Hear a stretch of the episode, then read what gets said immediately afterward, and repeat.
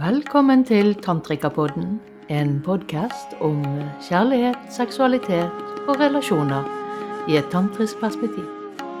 Vi kaller det en reise fra hodet til kroppen, fra fastfood til gourmet. Og jeg er Monica Josefine Gjelle, og sammen med meg her så sitter Renate Hetlevik Andersen. Ja. Og eh, denne episoden blir litt annerledes enn eh, de andre episodene vi har hatt. For eh, i denne episoden skal jeg fortelle litt om en reise jeg hadde til Nicaragua i eh, november i fjor. Om, eh, og da var jeg eh, faktisk med på noe som heter Tao Tantric Arts Retreat. Det var altså et tantrakurs som varte i fem uker. Og det var bare for kvinner. Vi var bare fem, ja, rundt 30 kvinner som var sammen i fem uker. Vi, vi så jo nesten, vi så nesten ikke et mannfolk igjen på hele, hele den tiden, så det var ganske intenst. Og eh, eh, jeg reiste jo dit fordi jeg hadde lyst til å oppleve litt tantra eh, internasjonalt, altså hvordan man underviser i tantra i andre land, litt andre tradisjoner. Dette var jo også i en taoistisk tradisjon, slik at vi gjorde mye qigong-øvelser, eh, og også litt sånn i denne tradisjonen til Mantak Chia, eh, der eh, Minke de Voss og Shashi Soluna, som var mine lærere der nede, de har liksom gått i lære hos Mantak Chia der. Så de som har lyst til å google han, så vil de finne mye informasjon om seksualitet, særlig i forhold til man, menn, da, mens eh, i dette kurset så ville man fokusere mer på det feminine og den feminine energien der, som kan vekkes uten Selv om det ikke er menn til stede, da, men bare i, ved hjelp av Vi gjorde mye pusteøvelser, meditasjon, qigong. Og så gjorde vi også mye ritualer. For eksempel så hadde vi et ritual når det var fullmåne. Vi hadde nymåneritual. Eh, vi hadde noe de kalte for sex magic, der vi brukte denne seksuelle energien til å se for oss ting vi hadde lyst til å skape i livet vårt, sånn at man bruker den kreative energien i den seksuelle energien til å skape ting. Og ehm, ja, det var ganske fascinerende, egentlig, alt vi opplevde der da. Og dette er jo ting som eh, finnes i litt forskjellige former rundt omkring på den internasjonale tantrascenen. For en del år siden så hadde vi jo Puja Pil på besøk her, og det er jo en del av den samme Ikke den samme linjagen, men en del av de samme eh, innfallsvinklene, hvis vi Mm, kan si og det Puja sånn. er jo også venn med Shashi, og de, har jo, de kjenner jo hverandre, disse ja. menneskene i denne internasjonale tantraverdenen. Ja. Mm. Og det er jo Denne sånne nye tantraverden, får vi ja, kanskje ny si. tantraverden. Og det er jo sånne tantra-hubber, hva skal vi si, tantra som knutepunkt rundt forskjellige steder. Bali, Thailand, eh, Mellom-Amerika som jeg var i, var jo i Nicaragua. Sånn at i Costa Rica finnes det sånne steder der, og Mexico, der det er mye tantrika, altså der det er mye tantra. Eh, mennesker samlet som jobber med tantra. Så det er jo også Og det, mye tantra i den sånn bevisste seksualiteten, eller denne nye tantra, denne, dette her er møtepunktet mellom seksualitet og tantra, som eh, inneholder jo veldig mye viktig og veldig mye spennende for mm, det moderne mennesket. ja. Så hvis man er interessert, så kan du både få lov å fortelle masse om det du har opplevd, og vi kan ha litt dialoger rundt de forskjellige tingene, gjerne prøve å belyse det og gi det litt dybde. Eh, Men det tenker jeg òg at hvis folk er interessert, så er det jo litt viktig at de kjenner en resonans gjerne med de lærerne de velger å, å gå på kurs hos. At det gjerne er mye de samme tingene, eller variasjoner og, og sånt av en del av det samme man finner igjen mange av disse stedene, men faktisk akkurat den stemmen, akkurat det fokuset som de forskjellige presenterer det gjennom, og det som er viktig for de, og det de vektlegger. Det er viktig å kjenne inn i for å finne det som er Mm. rett for den enkelte.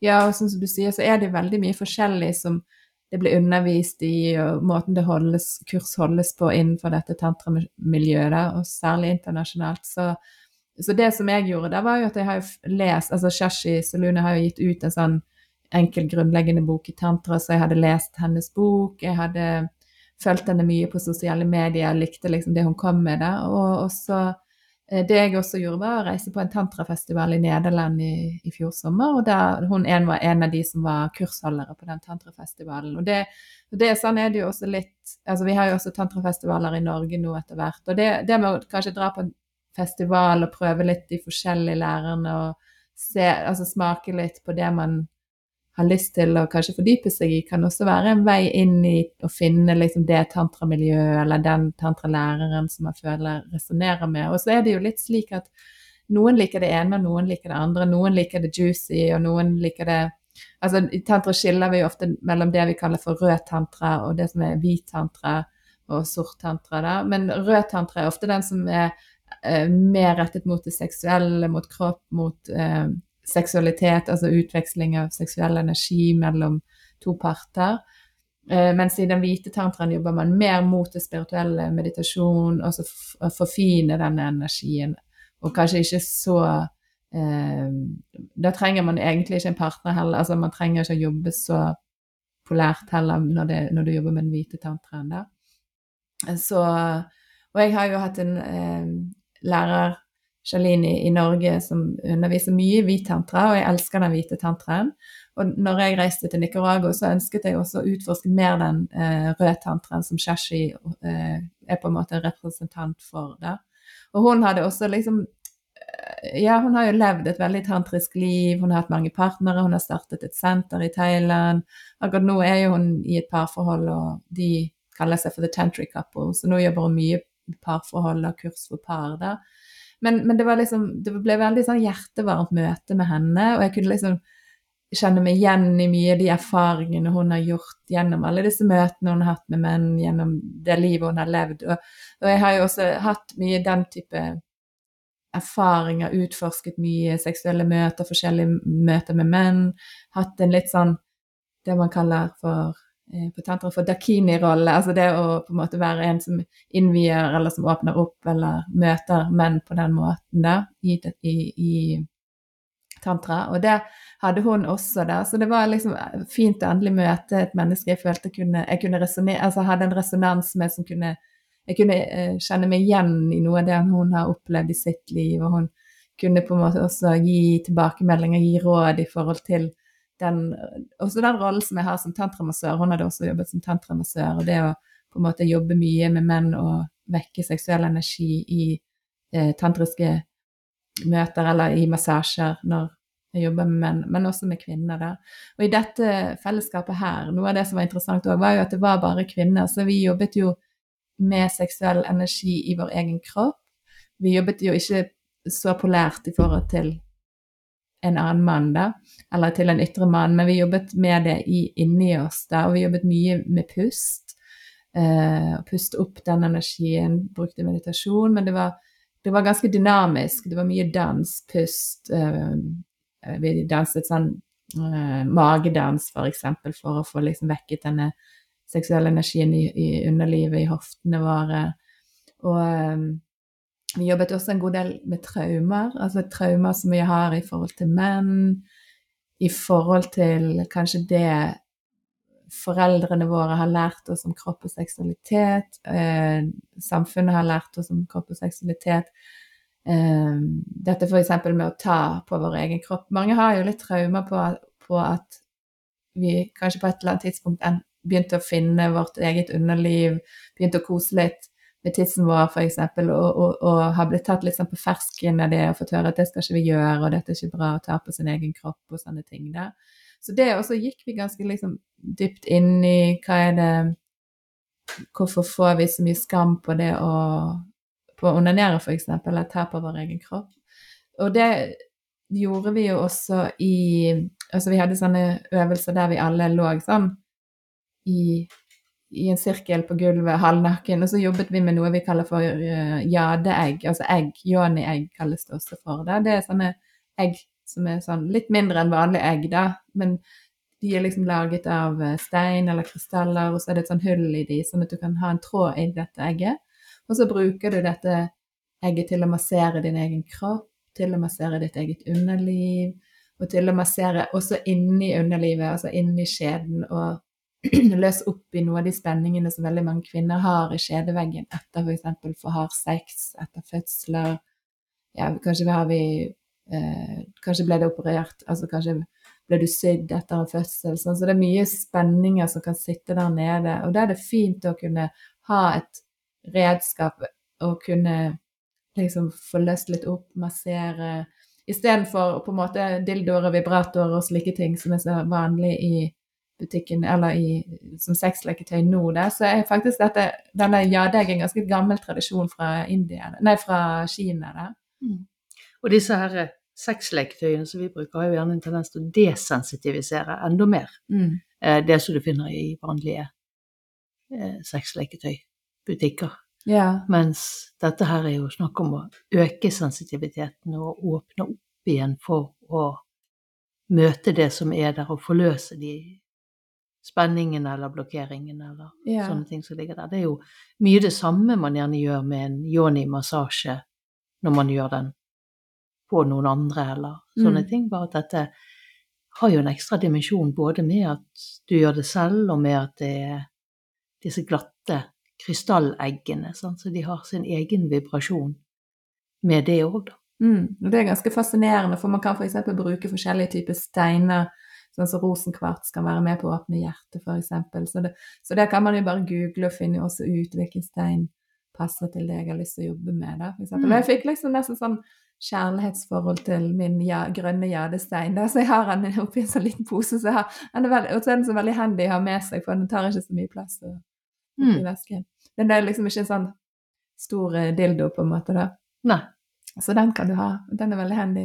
Og så var det jo utrolig Det skapte jo et slags søsterfellesskap når vi alle lå der og masserte oss selv og uh, Ja, altså det er jo både nytelse, det kan være også spenninger i underlivet, det kan være skam knyttet til det. Noen kan komme opp i komme opp i minner fra ting som har skjedd i underlivet som man ikke var, syntes var noe god, godt å oppleve. der. Så det var jo også mye sanne ting som kom frem i det der. Og det som også var veldig fint, var at de var veldig opptatt av samtykke også når du skulle eh, massere deg selv. Og også veldig opptatt av oppvarming. Da. Sånn at vi begynte alltid å varme opp med brystene først. Og så var det liksom godt med olje, og det skulle være godt og varmt i rommet, og du kunne gjerne ha musikk på, og det er liksom røkelse og liksom hele pakken der.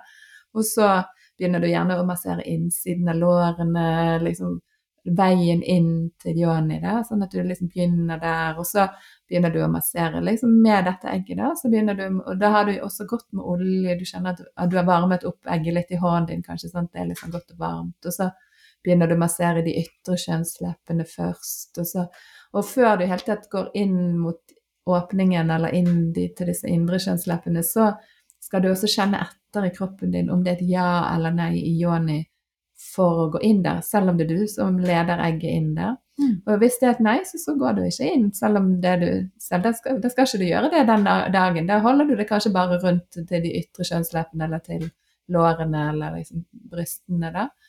Og hvis, det, det du beskriver der, er jo en nydelig bruksanvisning for menn å spisse ørene og høre på på hvordan å nærme seg en yoni til i, i, et seksuelt møte. Ja, og så er det noe med det gir også en sånn verdighet når du liksom begynner å kjenne kroppen din såpass godt at du vet hva som aktiviserer din egen kropp, og hvordan du må tilnærme deg kroppen på en veldig sånn forsiktig måte. For da kan du også um, fortelle det til partneren din seinere når du kommer hjem til partneren din at ja, men sånn trenger, jeg må ha litt mer jeg kjenner, altså jeg kjenner mitt eget underliv såpass godt at jeg vet at det er for tidlig å penetrere, f.eks. For eksempel, fordi jeg vet at jeg ikke er våt nok eller åpen nok eller kåt nok til at jeg kan gjøre det.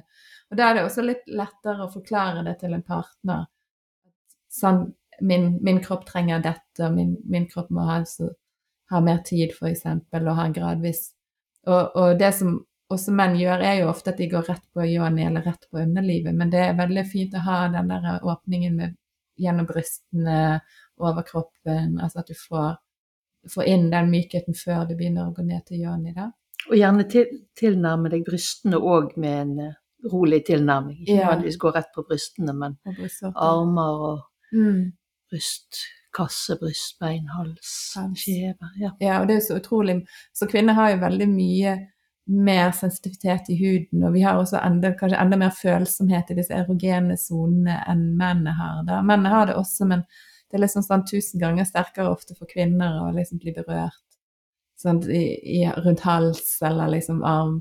I arm det er sånn, midt, sånn armkroken, håper jeg, midt i Albuen. albuen, ja, enn en mennene, da. Så Det går jo litt på at kvinner ofte er mer påkoblet kroppen sin. ja.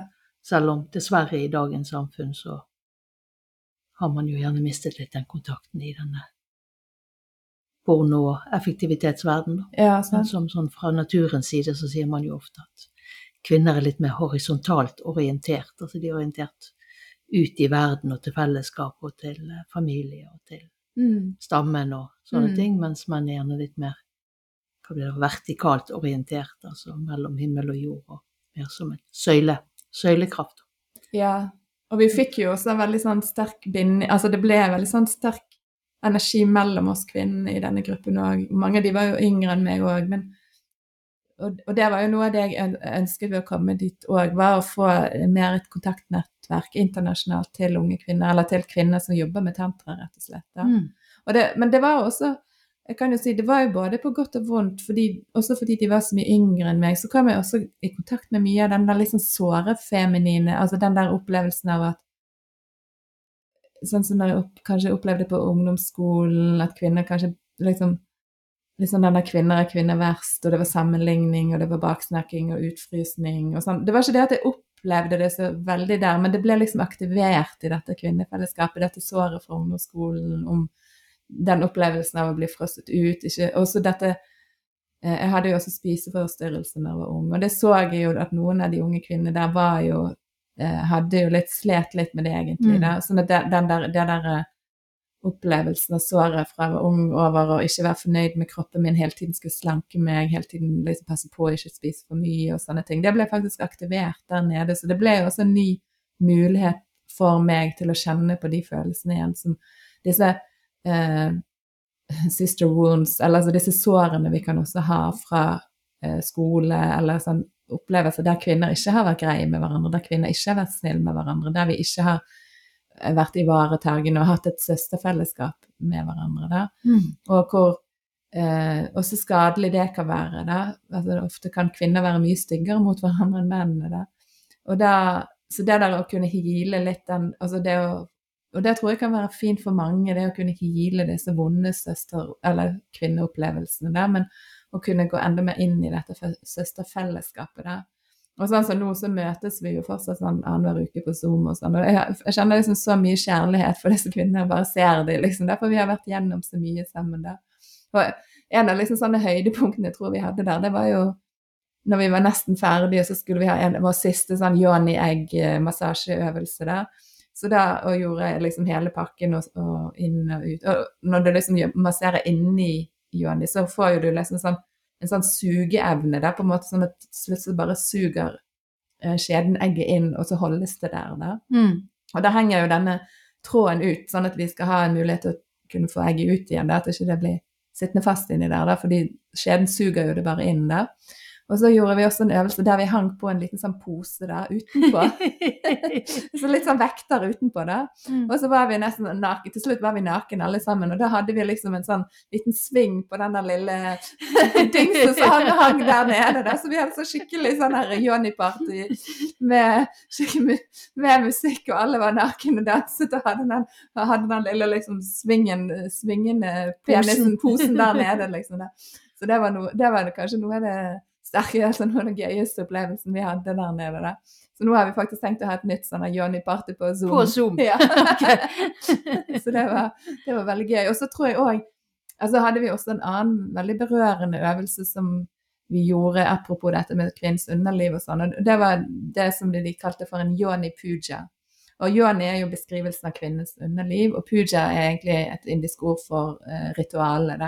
Mm. Og det var et rituale der eh, vi kom liksom inn to og to, det var liksom laget Det var musikk, det var liksom lys, det var laget et alter i midten av rommet, det var, laget, det var en veldig sakral stemning i rommet, og vi hadde røyk Altså vi hadde sånn renselse før vi gikk inn i rommet via, via røyk, og via de som de som tok imot oss der, som på en måte var prestinnene som tok oss inn i tempelet. Og da jobbet vi sammen to og to. Og der var det sånn at den ene kvinnen satt på gulvet og, og på en måte hadde et åpent underliv, og så hadde den andre kvinnen hadde en skål med blomster, hun hadde litt røkelse. Hun hadde også en sånn saft som var laget av uh, kokosmelk uh, og honning, så det ble nesten litt som denne saften som finnes inni kvinnens underliv, denne juicen som er inni kvinnen der. Og så i løpet av denne seremonien så fikk hun lov til denne kvinnen som, som satt sammen med denne, altså den kvinnen som satt, hun åpnet underlivet sitt og lot den andre kvinnen få lov å dekorere hennes underliv, hennes yoni, med blomster. Sånn at det liksom ble liksom det skjønneste, skjønneste kunstverk nesten Da. Og alle kvinner man var jo sammen to og to, og da hadde vi eh, vært sammen sikkert fire uker, så vi kjente hverandre veldig godt. Sånn at hver, hver kvinne fikk liksom litt forskjellig uttrykk der. Fordi Sin egen personlighet? Ja, fordi man, man, pyntet denne kvinnens underliv med liksom i, i henhold til hennes personligheter. Og det, det, var utrolig vakkert, for da fikk vi liksom lov til å ære en annen kvinnes underliv og virkelig ta inn hennes skjønnhet i det. Og da hadde vi også, før vi gjorde dette, så hadde vi også delt med hverandre sånn personlig historien til liksom de vondeste opplevelsene som vårt underliv hadde hatt. Altså den vondeste opplevelsen jeg kunne, liksom, kunne kom, hente frem i forhold til mitt underliv, men også den beste opplevelsen som jeg har hatt i forhold til mitt underliv. Og kom, for meg kom det frem, faktisk frem den gangen vi laget barn sammen med meg og min partner der den gangen. Det, det var en veldig fin opplevelse, for det var liksom der, der føltes det liksom sånn Å, nå skal vi elske på ordentlig, nå skal vi lage barn sammen. Mm. Og det, jeg ble fort gravid, så det var kanskje bare to ganger vi liksom virkelig gikk inn i den følelsen av at Oi, nå skal vi lage barn, og nå skal vi elske sånn. Og det var kanskje den beste følelsen som jeg, eller minnet som jeg hadde i min Johnny da. Og som var veldig berørende for meg å hente frem igjen da. Og så var det kanskje noen som hadde vonde opplevelser fra fødsler der de blir sydd, eller ja, overgrep, eller forskjellige ting. Sånn vi hadde liksom delt veldig intime historier fra hvert, hvert, hvert vårt liv, under, underliv, på en måte. det. Og så, og så fikk du da lov til å helliggjøre og ære dette vakre. Og, og Joni, det er ikke så ofte som kvinne at du får se en annen kvinnes underliv på, så nært og så åpent, på en måte. det. Så det, det var jo også en sånn fantastisk åpenbaring, sånn opplevelse å få lov til det. da mm. og få lov til å være. Og eh, etterpå, når vi var ferdig med å pynte denne kvinnens underliv, så, så gjorde vi det sånn at de som ville da, de, da kunne den kvinnen som var blitt pyntet, få lov å sitte på gulv, eller satt, satt liksom der med åpent underliv. og så kunne de som hadde pyntet, de fikk lov å reise seg rundt opp, og så gikk de liksom videre til neste kvinne der. Og så satt den kvinnen som hadde liksom Når jeg hadde mitt, mitt, mitt skjød åpent og hadde pyntet mitt underliv, så kunne jeg liksom vinke inn den neste kvinnen, og så kom hun inn og bøyde seg bare i sånn i, i dyp beundring over dette vakre underlivet mitt som hun fikk se det. Så det var sånn Wow, det var som å være i et tempel. Det var en veldig hellig opplevelse. Og så kom det en kvinne til, og så kom det en kvinne til. Og det er også der å få lov å se forskjellige kvinners underliv, og se liksom Og vi hadde jo kvinner som var unge og gamle og hvite og mørke og sånn, det var jo Vi er jo like forskjellige der nede. Ja, vi er jo like forskjellige der nede som vi er mm. eh, i ansiktet eller i andre deler av kroppen der. Så det liksom å bare få lov å se det, det var bare helt fantastisk.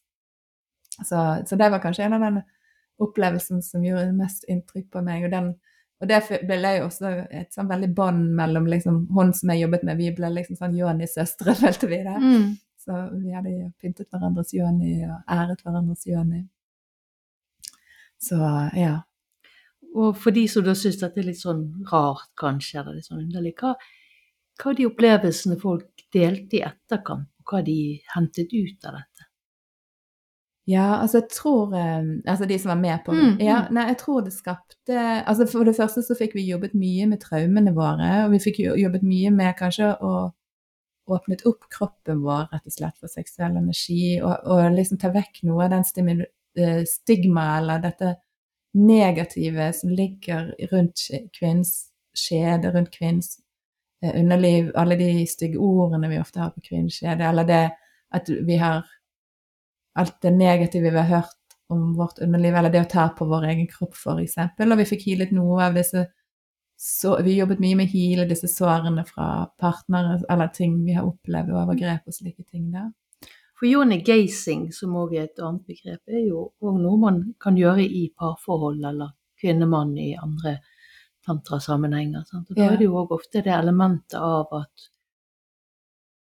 det er en meditativ praksis. Sant? At du sitter der og møter, altså som mann så sitter man og ser på dette underlivet. Ja. Eh, og møter alle disse lystene og fordommene og tankene og altså alt dette her. Alle disse betingingene vi har eh, rundt eh, underlivet, kan du si. Mm. Og rundt kanskje det seksuelle. Sant? Og, og for kvinner òg det å, å våge å bli sett, som du sier, sant? og så å Mm. møte disse lagene av skam og skyld og negativ betinging, og det å Og kanskje òg gaven i å bli sett uten at det skal føre til noe. Sant? Det er en æring av det, det er ikke noe som skal være et forplay inn i, i noe annet og sånne ting. Så det er jo en eh, jeg vil si sånn en øvelse med veldig mye dimensjoner i seg. Veldig Mm. mange lag som man kan Man kan jo i og for seg òg gjøre det hjemme med sitt eget underliv og et speil, hvis man skulle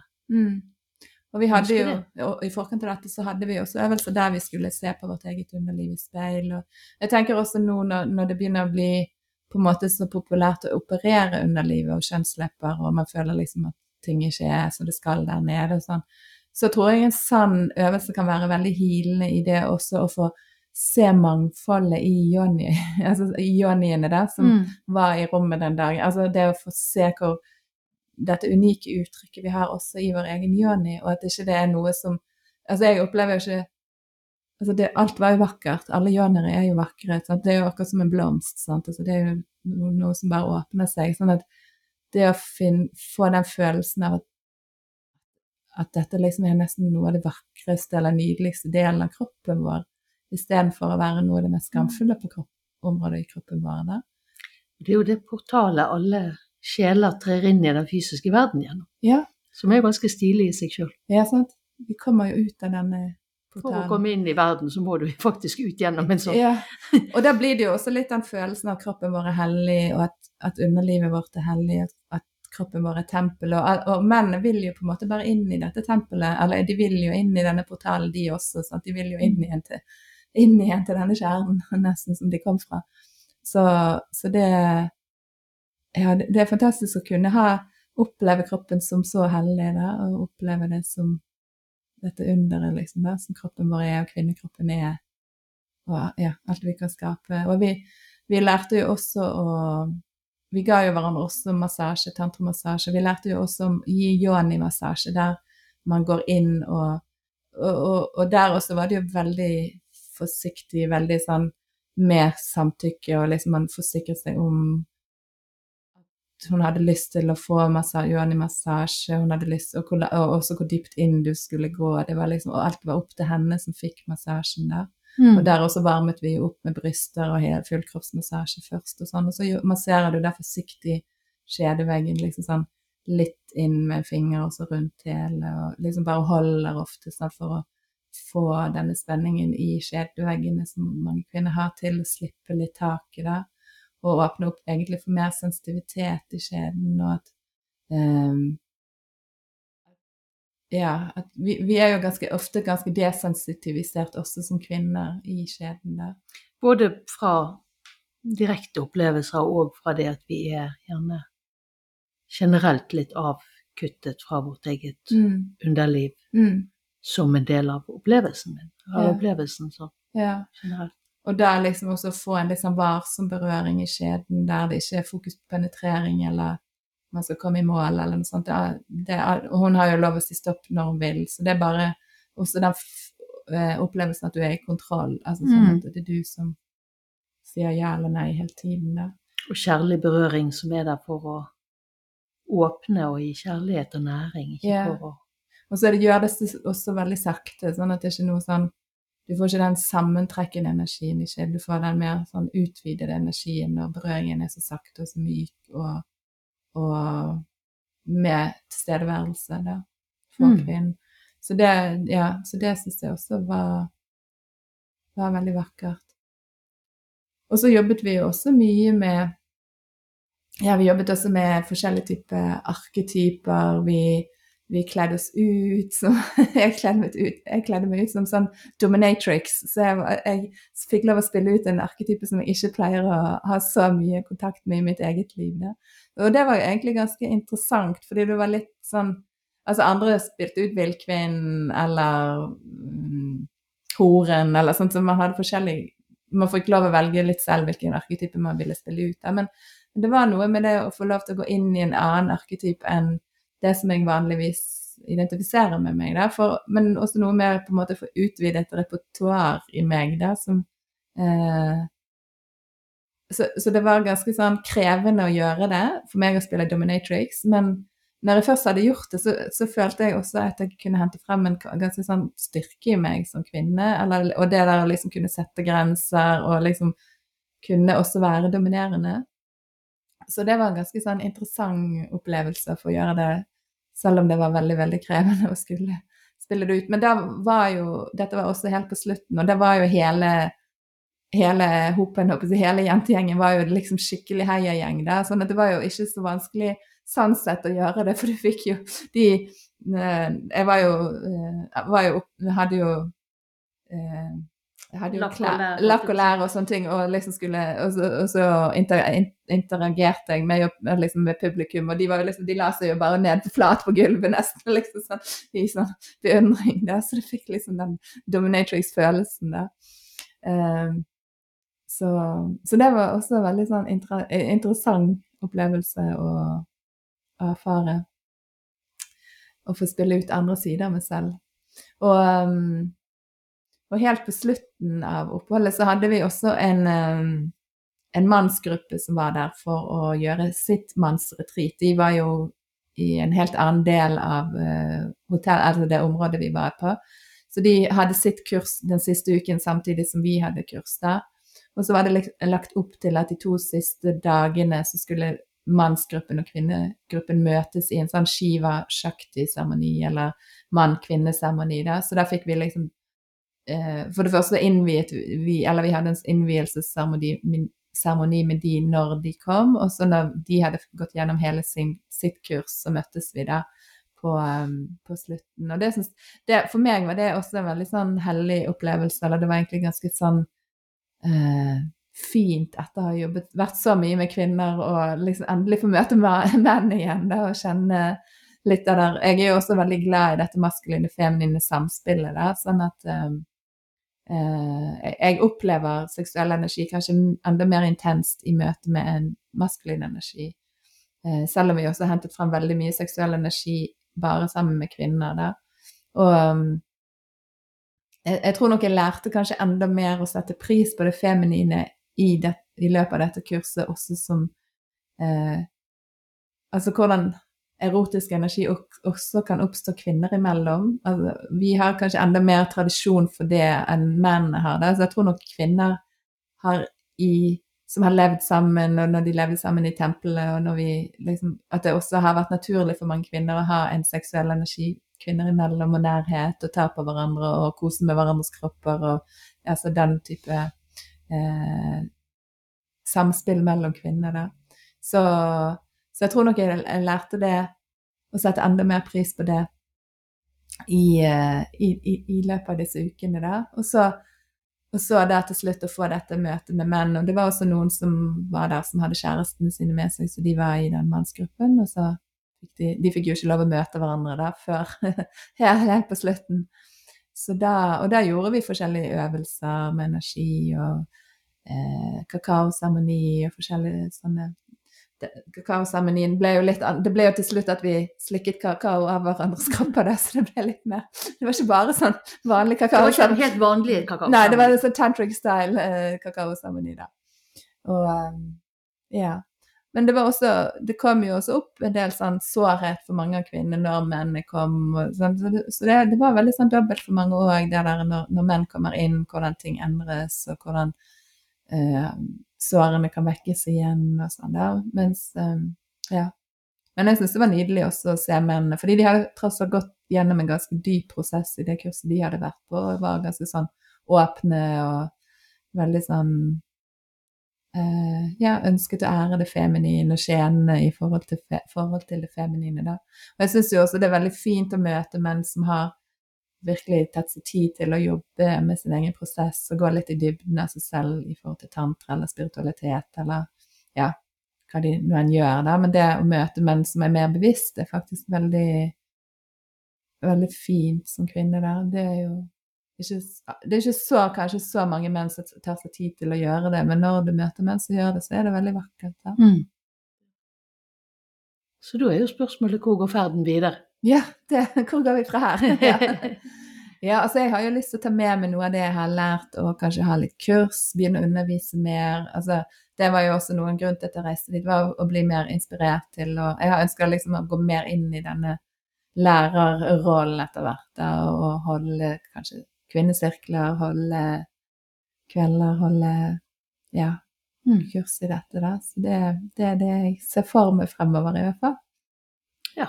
Mm. Da får vi bare se hvor Ja. veien fører hen. Yes. Takk for delingen, Monica. det var kjekt å få fortelle litt.